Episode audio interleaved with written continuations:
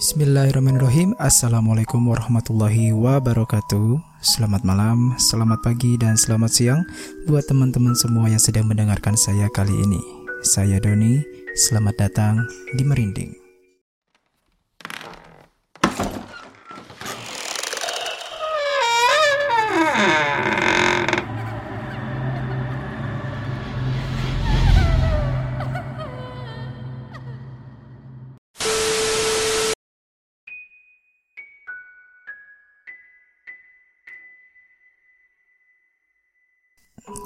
Seperti biasa, kita akan berdoa terlebih dahulu sebelum kita mendengarkan kisah kali ini dan kita meminta perlindungan Allah Subhanahu wa taala dari gangguan makhluk yang kasat mata maupun yang tak kasat mata.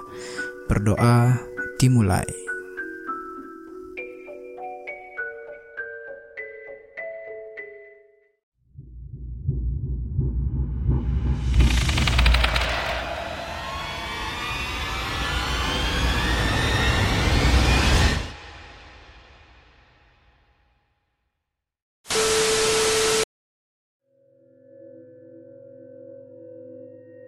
Bismillahirrahmanirrahim. Assalamualaikum warahmatullahi wabarakatuh. Oke teman-teman ketemu lagi bersama saya Doni.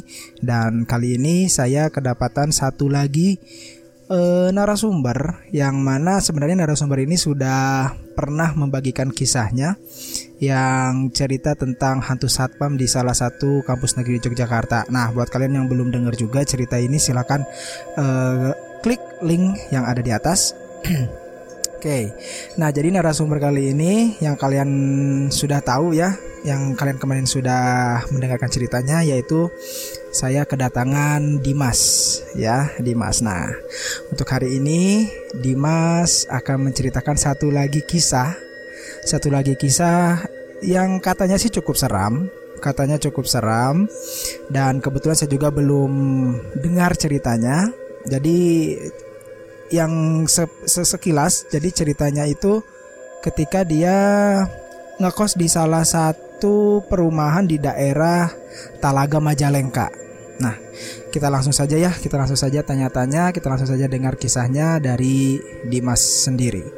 Ya, tapi sebelumnya mungkin kita kenalan dulu ya sama Dimas ya. Barangkali ada yang mau tahu, ada yang mau kenal Dimas ini siapa. Oh, dia juga punya usaha nih, bisa nih nanti sekalian barangkali kalian uh, butuh sesuatu ya. Nanti dia ada usaha yang cukup bagus lah usahanya. Uh, Oke, okay. selamat selamat sore Bapak Dimas. Selamat sore. Ini ini ini sore Pak. Iya, ini sore soalnya. Jam 4 Ya, halo assalamualaikum warahmatullahi wabarakatuh. Saya Dimas. Saya saya salah satu temennya Doni. Temennya bukan sih. Uh, saya pengen menceritakan kisah kisah horor ya berarti ya kisah horor saya waktu uh, di Talaga. Jadi itu kalau nggak salah tahun 2017 tepatnya bulan apa saya lupa gitu. Nah, cuma waktu itu saya kerja masih di uh, salah satu perusahaan rokok ternama di Indonesia lah. Uh, waktu itu saya ditugaskan di Talaga. Jadi penempatannya itu di Talaga waktu itu. Majalengka, Talaga itu kan memang bisa dibilang ujungnya ujungnya Majalengka lah perbatasan perbatasan ke Sumedang, perbatasan ke Ciamis, perbatasan ke Kuningan kan itu semuanya perbatasan kan. Nah, waktu itu saya dapat kalau ini sih apa ya e, dana untuk kos ya dana untuk kos dari perusahaan gitu. Saya dapat dana kos dari perusahaan itu sekitar kurang lebih ya hampir satu juta lah. Hampir satu juta buat dana kosnya aja gitu tuh. Nah akhirnya kan karena memang kalau di Talaga kosan tuh kan memang murah-murah gitu. Nah terus akhirnya saya nyari searching searching uh, kosan di di Talaga. Waktu itu saya dapat di daerah apa apa ya namanya? Saya lupa lah namanya sih. Cuma yang jelas sih deket sama uh, pasar uh, talaganya gitu. Nah akhirnya saya memutuskan untuk kos di situ itu karena tempatnya itu bersih terus rapih ya nggak nggak kumuh lah gitu. Nah karena uh, saya kan nyari yang memang nyaman juga gitu kan buat apa sih buat ditempatin gitu. Karena kan memang untuk uh, jangka panjang ya nah akhirnya saya mutusin di situ. Nah memang dana kosnya itu agak sedikit jauh lebih mahal ketimbang uh, kosan pada umumnya di Talaga. Nah waktu itu kos di Talaga itu di tempat saya itu apa ya bisa dibilang yang paling mahal. Kos untuk saya waktu itu 750 ribuan satu bulan. Dan itu uh, untuk di Talaga itu udah cukup mahal ya. Maksudnya dibandingkan dengan kosan lain yang di, ada di Talaga itu range-nya paling tinggi gitu. Nah akhirnya saya mutusin. Tapi memang uh, waktu itu sih saya nggak nggak ngerasain ada hal-hal yang aneh gitu. Cuma saya mikirnya oh mungkin ini kosan baru karena memang kosannya masih apa ya masih sepi masih apa ya masih belum rame lah. Terus kelihatan juga dari kecium apa namanya cat yang baru gitu cat yang baru. Terus lantainya juga masih kelihatan apa ya ibaratnya rapi. Terus tapi masih ada sisa-sisa semen yang kayak gitulah. Jadi memang kosan baru banget gitu nah udah. Akhirnya saya mutusin di situ. Jadi yang ngekos di situ itu sebetulnya ada tiga orang. Dari total kurang lebih 20 kamar. Cuman tiga. Karena mahal mungkin. Iya karena mahal. Jadi yang pertama itu saya waktu datang ke kosan itu untuk oke okay deh, saya mau ngekos di sini gitu. Itu ada yang baru keluar itu dari kebidanan. Baru banget keluar kebidanan. Ya isinya cewek semua. Jadi memang kosannya kosan campur gitu ada buat cowok ada buat cewek juga gitu cuma yang buat cowok di atas yang buat cowok cewek di bawah gitu Nah, akhirnya saya mutusin ke situ dan akhirnya yang tadinya ada yang kebidanan itu kan akhirnya jadi cuma bertiga saya uh, polisi salah satunya tuh polisi yang ngekos di situ. Polisi terus satunya lagi tuh karyawan uh, ini apa? HP SPG HP cewek SPG HP nah akhirnya saya ya udah deh nggak apa-apa dah. Uh, ada temannya kan berarti gitu. Nah saya kebetulan sebelahan sama uh, kamarnya si polisi nah kebetulan uh, setelah saya dealing dengan ibu kosnya itu akhirnya saya mutusin untuk uh, makan di warung yang uh, dekat kos kosannya hari pertama. Akhirnya diajak ngobrol sama uh, ibu warungnya orang baru ya iya betul bu. Uh, saya ngekos di yang sebelah oh kosan yang warna putih semua ya? Memang kosannya itu warna putih semua. Nah akhirnya ngobrol lah. Dari situ ada obrolan. Berapa a ngekos di situ? Si tukang warungnya si ibu warungnya. Berapa A? Nah akhirnya saya jawab 750 ribu bu. Waduh lumayan ya mahal Soalnya di tempat lain itu kosan uh, di Talaga itu paling mahal itu 300 Dia bilang oh, Ya ya kalau saya sih akhirnya mikirnya kan eh, udahlah nggak apa-apa maksudnya kamar mandi di dalam asal nggak tidurnya di luar gitu kan Yang penting kan kamar mandi di dalam, tidurnya di dalam juga gitu. Tapi bukan di dalam kamar mandi gitu kan.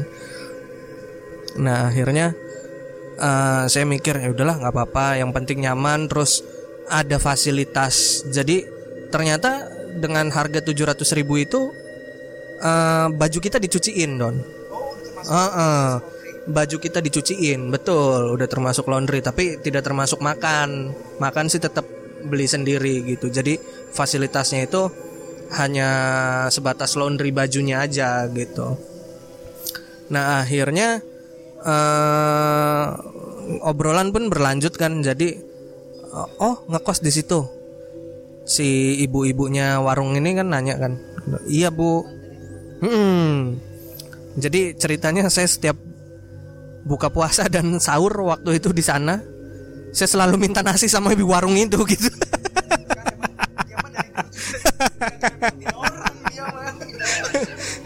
iya, jadi kalau sahur saya suka datang ke rumahnya gitu kan. Bu, ada nasi nggak ada. Jadi ibunya tuh baik banget ibu warungnya tuh. Jadi memang dia karena anaknya jauh, anaknya cuma satu, anaknya jauh di luar kota.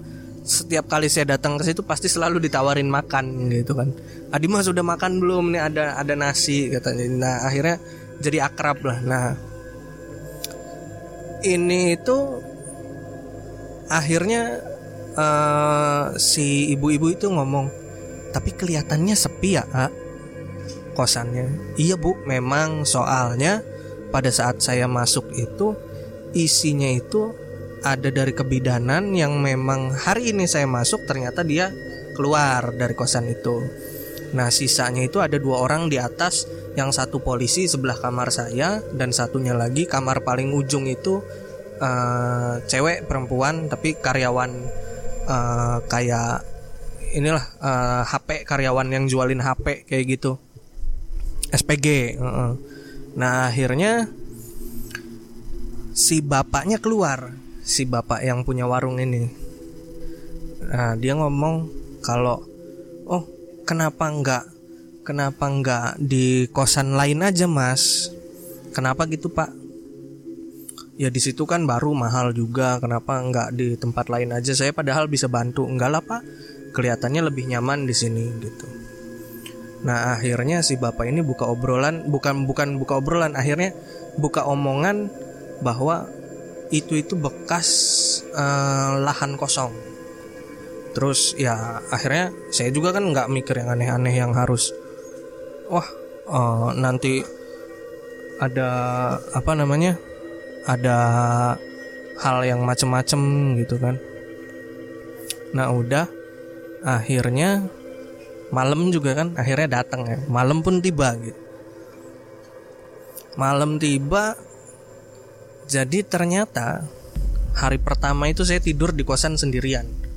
Nggak ada satu orang kosan pun yang datang waktu itu pulang. Jadi pak polisi ini ternyata baru datang besok paginya karena dia dinas malam, dilanjut dinas malam. Jadi pas pada saat saya datang dia tuh berangkat untuk dinas malam gitu. Nah terus si yang satunya SPG yang karyawan SPG HP ini dia ternyata pulang ke Majalengkanya. Akhirnya saya sendirian di kosan. Hari pertama saya udah ngerasain hal aneh itu tembok digaruk awalnya tembok digaruk jadi kayak ada suara garukan cakaran krok tapi dari belakang. Nah, akhirnya karena hari pertama saya nggak pernah bukan nggak pernah jadi saya hari pertama tuh nggak nggak ngejelajah si kosannya kan karena terlalu capek saya cuma makan ke warung depan balik ke kosan mandi istirahat gitu. Malam ceritanya saya mau cari kopi mau cari kopi. Nah pas mau cari kopi itu baru ngedenger suara cakaran. Baru suara cakaran. Nah udah akhirnya saya nggak ambil pusing. Ah udahlah biarin aja gitu kan. Turun ngam, uh, beli kopi naik lagi ke atas. Naik lagi ke atas. Masih mainan HP masih masih waan sama istri gitu kan. Nah akhirnya uh, saya itu tertidur tertidur nah udah nah saya kebangun itu jam setengah dua pagi itu ngedenger suara auman. Ja, iya, kayak suara auman harimau gitu. Akhirnya saya kebangun, kebangun sampai akhirnya nggak bisa tidur lagi tuh, nggak bisa tidur lagi. Jam setengah dua, jam setengah dua tuh nggak bisa tidur lagi. Waktu itu uh, saya nyoba buat mainan HP ini tuh segala macam buat ya ngilangin ini yang ngilangin rasa bosen gitu kan karena nggak bisa tidur lagi. Akhirnya pagi juga datang nah pas pagi itu akhirnya saya nengok ke belakang. Nengok ke belakang ngelihat ternyata di belakang kamar saya itu persis sumur ya sumur dan pohon sukun. Pas belakang kamar banget. Jadi kamar saya itu waktu itu paling pojok ada letter L jadi paling pojok paling pojok paling pojok. Apa ya kita bisa ngelihat ke belakangnya gitu karena ada apa namanya uh, balkonnya. Karena ada balkon. Nah, di lantai dua. Saya ngekos di lantai dua jadi ada balkonnya buat ke belakang. Nah, jadi waktu pas siangnya itu saya ngecek ke belakang itu ternyata pohon sukun dan sumur. Akhirnya ya agak sedikit ini sih ya maksudnya nyesel kenapa harus milih di situ gitu kan kamarnya gitu. Cuma pengen di tempat yang lain pun uh, udah males untuk beberesnya gitu, udah males untuk beberes pindah-pindahnya gitu. Akhirnya ya udah deh nggak usah pindah gitu kan. Ya udah di situ aja. Nah akhirnya malam kedua itu saya dari habis pulang kerja sampai dengan jam 8 atau jam 9 itu saya ada di warung ceritanya ngobrol lah sama bapak-bapak setempat gitu. Sama bapak-bapak setempat ngobrol maksudnya ya perkenalan gitu kan. Maksudnya saya orang baru saya bawa badan sendiri gitu kan ya. Nah terus akhirnya ngobrol ngobrol-ngobrol sama bapak-bapak setempat akhirnya ada yang nyeletuk lah cerita tentang uh, latar belakang bangunan kosan yang saya tempatin gitu Mas nginep eh nginep apa? Ngekos di kosan yang baru itu ya? Iya pak. Oh gimana? Enak ngekos di situ gitu kan? Ya sejauh ini sih enak sih pak, nyaman, bersih gitu kan. Nah akhirnya nggak serem apa ngekos di situ katanya. Emang kenapa pak? Kan bangunannya tuh uh, bekas lahan kosong udah lama banget itu tuh. Jadi kayak bekas rumah yang udah uh, hampir roboh akhirnya dirobohin dan dibangun kosan gitu. Sejauh ini sih saya belum ada aneh-aneh yang kayak gimana sih pak kata kata saya tuh. Karena uh, baru ngalamin yang ada garukan sama suara auman itu aja gitu. Mm -mm. Nah akhirnya ya udah deh lanjut aja nggak kos nggak nggak jadi masalah gitu kan. Nah akhirnya udah hari kedua itu saya balik nih ke kosan sekitar jam 8 atau setengah 9 lah atau jam 9an lupa gitu kan. Nah akhirnya pas balik ke kosan nggak uh, bisa tidur lagi karena ya itu balik lagi bosan karena nggak ada TV nggak ada nggak hiburan gitu. Karena waktu itu belum belum bawa laptop. Jadi cuma bawa HP dan ya nggak nggak bisa ngapa-ngapain gitu kan. Akhirnya ya udahlah biarin aja gitu kan ya. Ngerokok ngopi kayak gitu doang. Nah udah dari situ mulai ada suara kayak ada orang naik turun tangga. Naik turun tangga. Naik turun gitu. Mm -mm. nah akhirnya kita mikir kan oh ada suara orang nih. Berarti uh, apa ya? Mungkin ada si pak polisi yang sebelah kamar atau si mbak SPG itu datang gitu kan. Nah akhirnya mikir ke situ akhirnya oh ya udah berarti enak nih ada temennya gitu kan ya. Akhirnya pindahlah kita yang tadinya itu uh, apa ngopinya di dalam kamar pindah ke depan kamar di luar uh, di luar. Karena ngerasa ada temennya ada orang gitu kan ya. Nah terus akhirnya ngopi diam aja di di depan kamar. Sempat ngedenger kayak ada yang berdehem gitu kan ya maksudnya gitu. Oh ya berarti bener dong ada orang kan gitu kan. Lama lama lama lama lama. Kok jadi hening lagi? Nggak ada orang lagi. Kayak nggak ada orang lagi gitu. Akhirnya bosan mikirnya kan oh ya mungkin tidur kali gitu kan ya akhirnya besok eh be, uh, akhirnya saya juga masuk gitu. Nanti aja lah besok gitu barangkali pen uh, kan sayanya juga belum memperkenalkan diri waktu itu karena nah udah udah kebesokannya besokannya juga nggak ketemu lagi. Ya memang karena sebetulnya nggak ada orang gitu tadi malam tuh gitu. Nah udah akhirnya di malam ketiga itu uh, ada yang ini uh, ngegaruk lagi tapi di samping. Awalnya di belakang di belakang deket WC akhirnya di samping deket meja biasa. Saya nulis laporan apa namanya uh, penjualan yang kayak gitulah. Kedengeran banget itu. Krok suara suara garukannya gitu akhirnya itu masih sore don. Masih sekitar jam tujuh setengah delapan. Masih sore banget. Akhirnya saya mutusin waduh harus dikopiin nih gitu. Kan biar biar nggak takut gitu kan. Beli kopi deh turun ke bawah. Turun ke bawah itu saya ngerasa kayak ada yang ngikutin. Ada yang ngikutin sampai akhirnya udah beli kopi balik lagi ke kosan saya ngerjain laporan lagi sudah selesai baru saya ngedenger kayak uh, apa namanya desisan ular. Kayak desisan ular kayak gitu. Nah udah.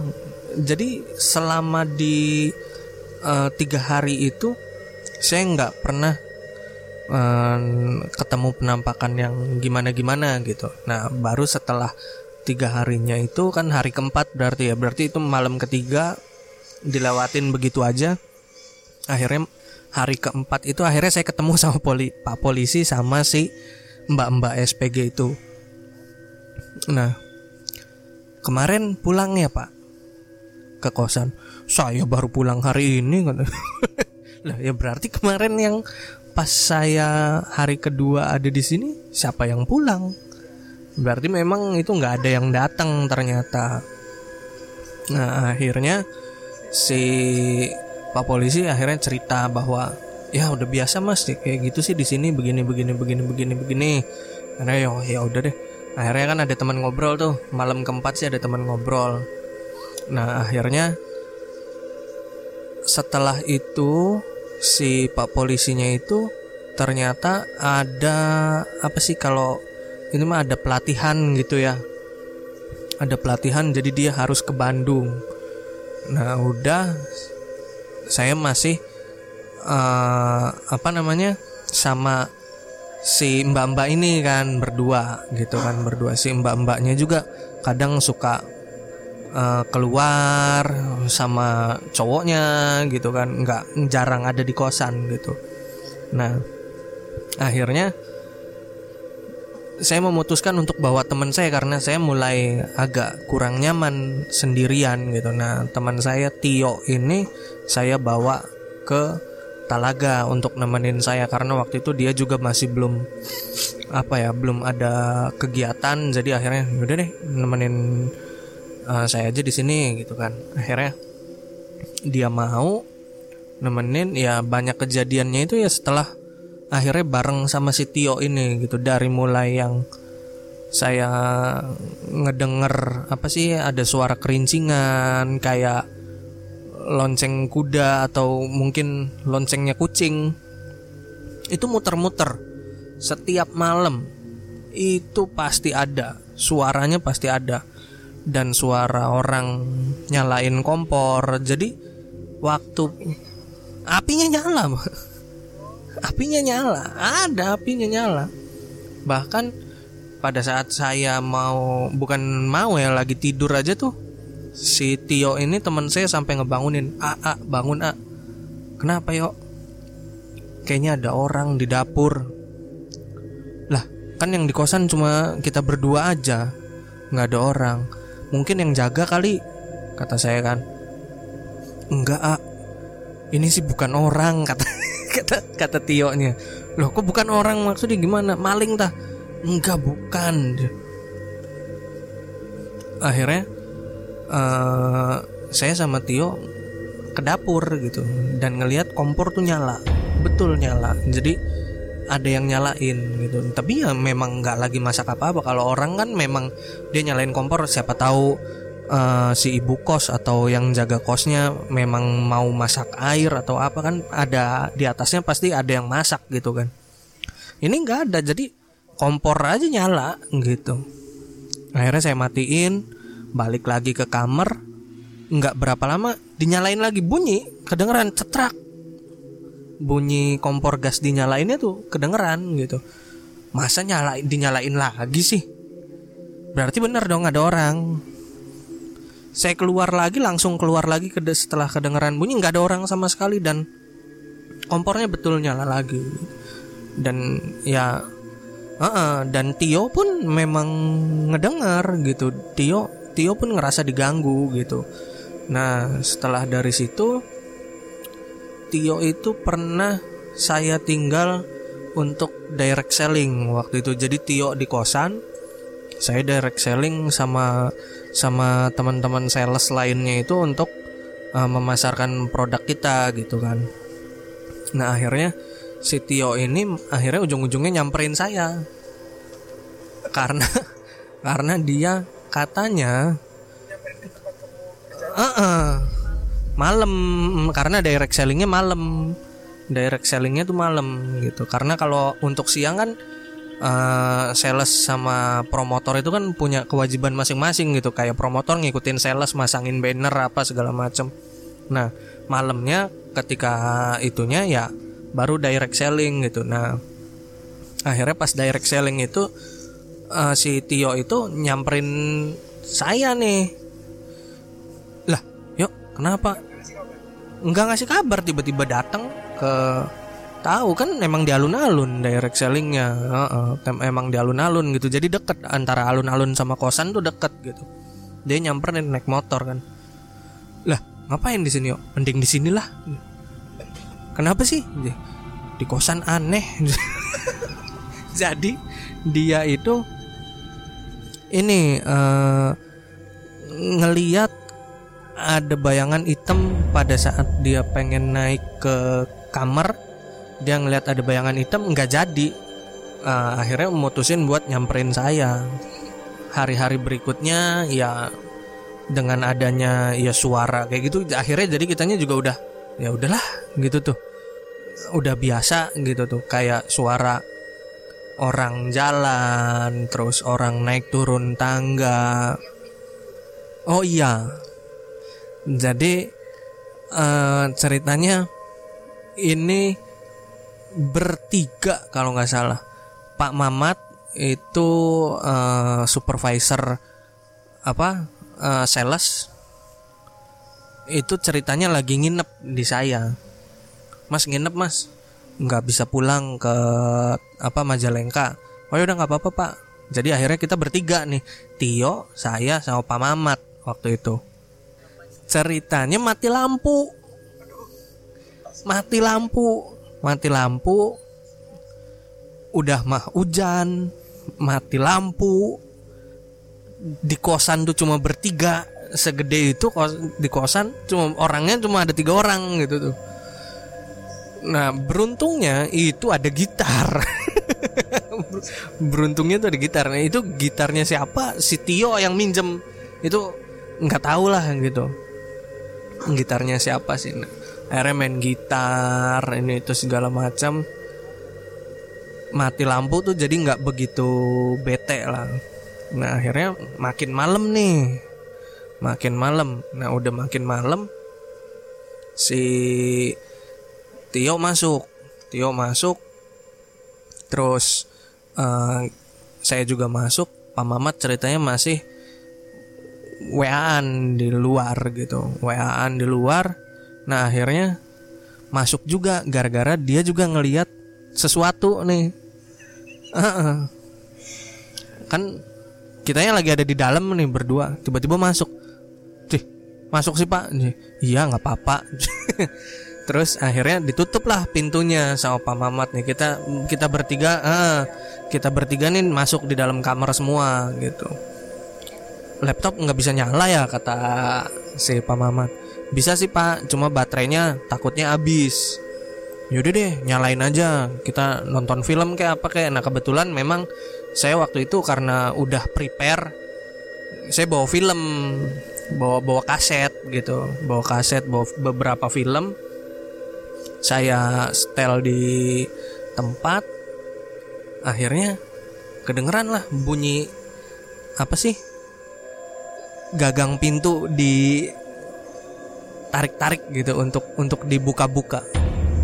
Kayak ada yang maksa maksa buka gitu. Krak krak krak krak krak iya. Eh bukan pintu kamar ini orang lain. Jadi ada beberapa kamar gitu. Ber, uh, berapa kamar ya dari dari kamar saya tuh? Kan letter L kan. Nah jadi kamar yang pengen uh, ke tangga menuju tangga kayak ada yang maksa buka dari dalam. Bukan dari luar dari dalam. Nah akhirnya kan kita ih siapa ya? gitu kan. Nah, akhirnya kita intip dari apa namanya dari jendela dari hordeng. Kita ngelihat betul itu si gagang gerak. Si gagang itu gerak. Jadi uh, kita semua ya yang ada di dalam situ akhirnya siapa ya? Emang ada orang di situ? Nggak ada dari awal saya ngekos itu nggak ada orang yang ngekos di situ gitu. Nah akhirnya yaudah deh tidur tidur tidur. Ya akhirnya tidur. Jadi uh, apa ya beberapa hari terus menerus di situ itu ya memang akhirnya kita mulai kebiasaan apa ya dengan dengan interaksinya mereka gitu. Jadi kayak yang pengen uh, uh, ya udahlah itu sudah udah biasa kayak gitu gitu. Nah cuma memang saya pernah ada sesekali gitu ada uh, penampakan di jadi kosannya itu kan bentuknya letter L ya.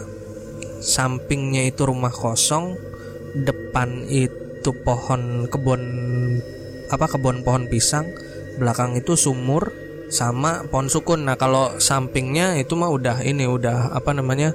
rumah warga gitu.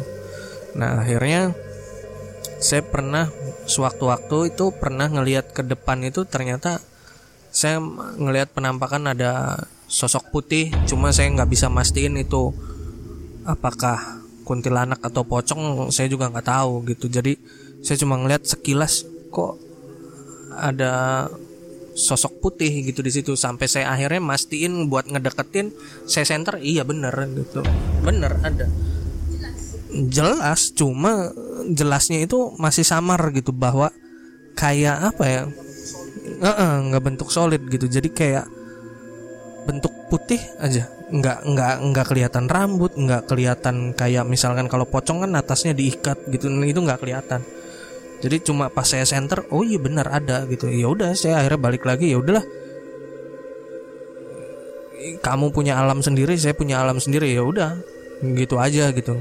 Selama kamu nggak ngapa-ngapain saya ya saya juga nggak akan ngapa-ngapain kamu gitu kan. Gitu aja lah. Uh, kalau ngomongin apa ya ibaratnya ngebayangin horornya horor banget sih nggak nggak bisa dirasain yang kalau saya cerita kayak gimana gitu ya. Jadi mungkin kalau pengen ngerasain kalian pengen ngekos dulu di sana ya baru boleh gitu. Iya nah, dan pada akhirnya karena saya akhirnya mulai apa ya mulai ngerasa uh -uh, sayanya mulai ngerasa terganggu Tio juga udah nggak bisa nemenin akhirnya saya pindah kosan gitu. Pindah ke kosan. Nah pindah ke kosan kosan yang kedua itu sebetulnya jauh lebih gak enak.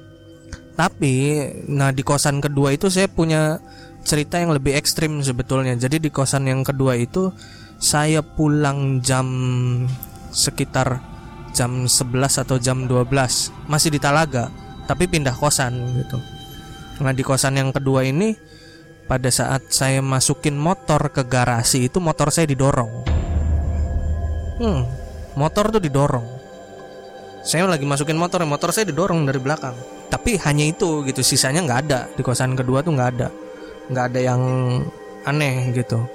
Tapi memang selebihnya nggak ada gitu. Jadi cuma itu doang di kosan yang kedua tuh cuma itu doang. Jadi pulang malam jam 11 atau jam setengah 12 lah kan orang rumahnya udah pada tidur. Nah saya dibawain kunci sama si bapak kosnya karena saya bilang pak saya karena saya sales saya kadang suka direct sales uh, direct selling malam. Jadi kalau pulang pun mungkin saya bisa di atas jam 10 bisa itu jam 11 ataupun jam 12 gitu. Oh yaudah nggak apa-apa mas Dimas. Dibawa aja kunci gemboknya sama kunci garasinya waktu itu. Nah akhirnya pas selesai direct selling saya pulang ke kosan itu jam ya lupa lah antara jam 11 atau jam 12 saya masukin motor motor saya didorong sampai jatuh gitu. Sampai jatuh dan motor motor saya jatuh sayanya jatuh.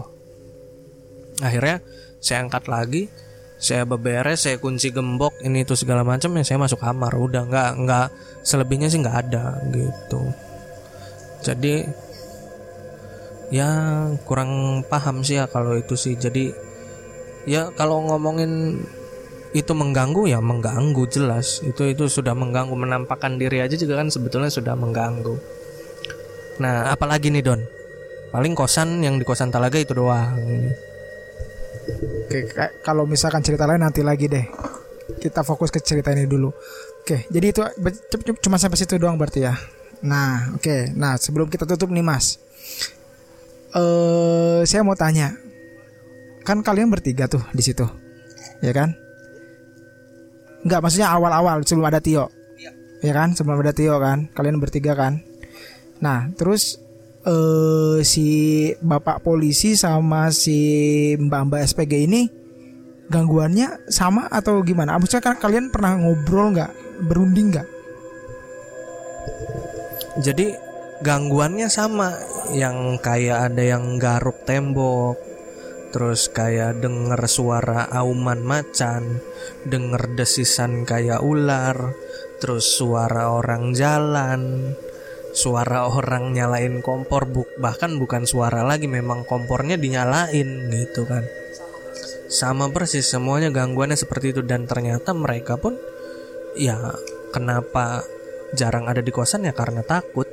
Jadi nggak nggak yang memang di kosan itu tuh ditempatin untuk sebagai tempat tinggalnya mereka gitu tuh jadi mereka ada di kosan kalau pas lagi ada temennya tapi kalau untuk yang polisi sih memang kadang mungkin dia lebih paling berani ya di, di antara saya sama si karyawan yang SPG itu. Jadi dia sih pernah sewaktu-waktu itu di kosan itu sendirian dan ya malah ditongkrongin. Ditongkrongin jadi ada suaranya ya dia tungguin. Dia tungguin sok mana? gitu. Nongol nongol lah gitu. Ha, ditantangin sama si polisinya gitu. Nggak nongol. Karena mungkin saking jengkelnya kali. Jadi setiap hari digangguin ya udahlah saya tongkrongin deh kamu mau keluar keluar gitu tuh. Nah selebihnya sih untuk yang lainnya sih nggak ada gitu pas apa namanya kamu pergi nih selama enam bulan iya. ya kan akhirnya kamu keluar karena pas keluar itu si bapak polisi sama si mbak SP gitu masih ada atau enggak? Jadi yang keluar pertama itu bapak polisi dulu. Iya, polisinya duluan keluar. Jadi dia dipindah tugasin kan. Dia dipindah tugasin keluar duluan. Jadi sisa tinggal saya sama si Mbak SPG-nya berdua. Nah, akhirnya si Mbak SPG-nya pindah baru terakhir saya. Berarti nggak berarti kamu sempet di kos itu sendirian bener-bener sendirian gak ada orang berdua mati oh berarti Nggak sendirian. Tio udah nggak ini. Tio udah nggak bareng sama saya. Saya sendirian. Oh, oh iya iya iya. Berarti kamu tinggal sendiri karena kamu itu sendirilah. Akhirnya kamu ya anjir. Berarti sebulan sendiri akhirnya wah udah nyerah gua, give up, gua harus pindah nih, gitu. Oh oke, wow lumayan ya. ya itu teman-teman kisah Dimas. Kayaknya sebenarnya masih banyak cerita yang Dimas alami. Ya seperti tadi saya bilang kan. Iya, kayak tuh istrinya aja bilang dia kayaknya temannya setan katanya makanya banyak cerita mistisnya. Tapi tahan dulu ya, nanti kita obrol-ngobrol lagi sama Dina Dimas ya, kita ngobrol lagi sama Dimas mengenai misteri-misteri yang lainnya. Oke, sebelumnya saya ucapin makasih Dimas buat sharingnya. Oke, dan untuk mending hari ini itu ceritanya semoga semuanya bisa terhibur dengan cerita Dimas hari ini dan ya sekali lagi bisa ngambil hikmah lah dari semua kejadian yang diceritakan di sini. Ya. Oke, terima kasih sudah mendengarkan. Saya tutup bila hidayah. Wassalamualaikum warahmatullahi wabarakatuh. Akhir kata salam merinding.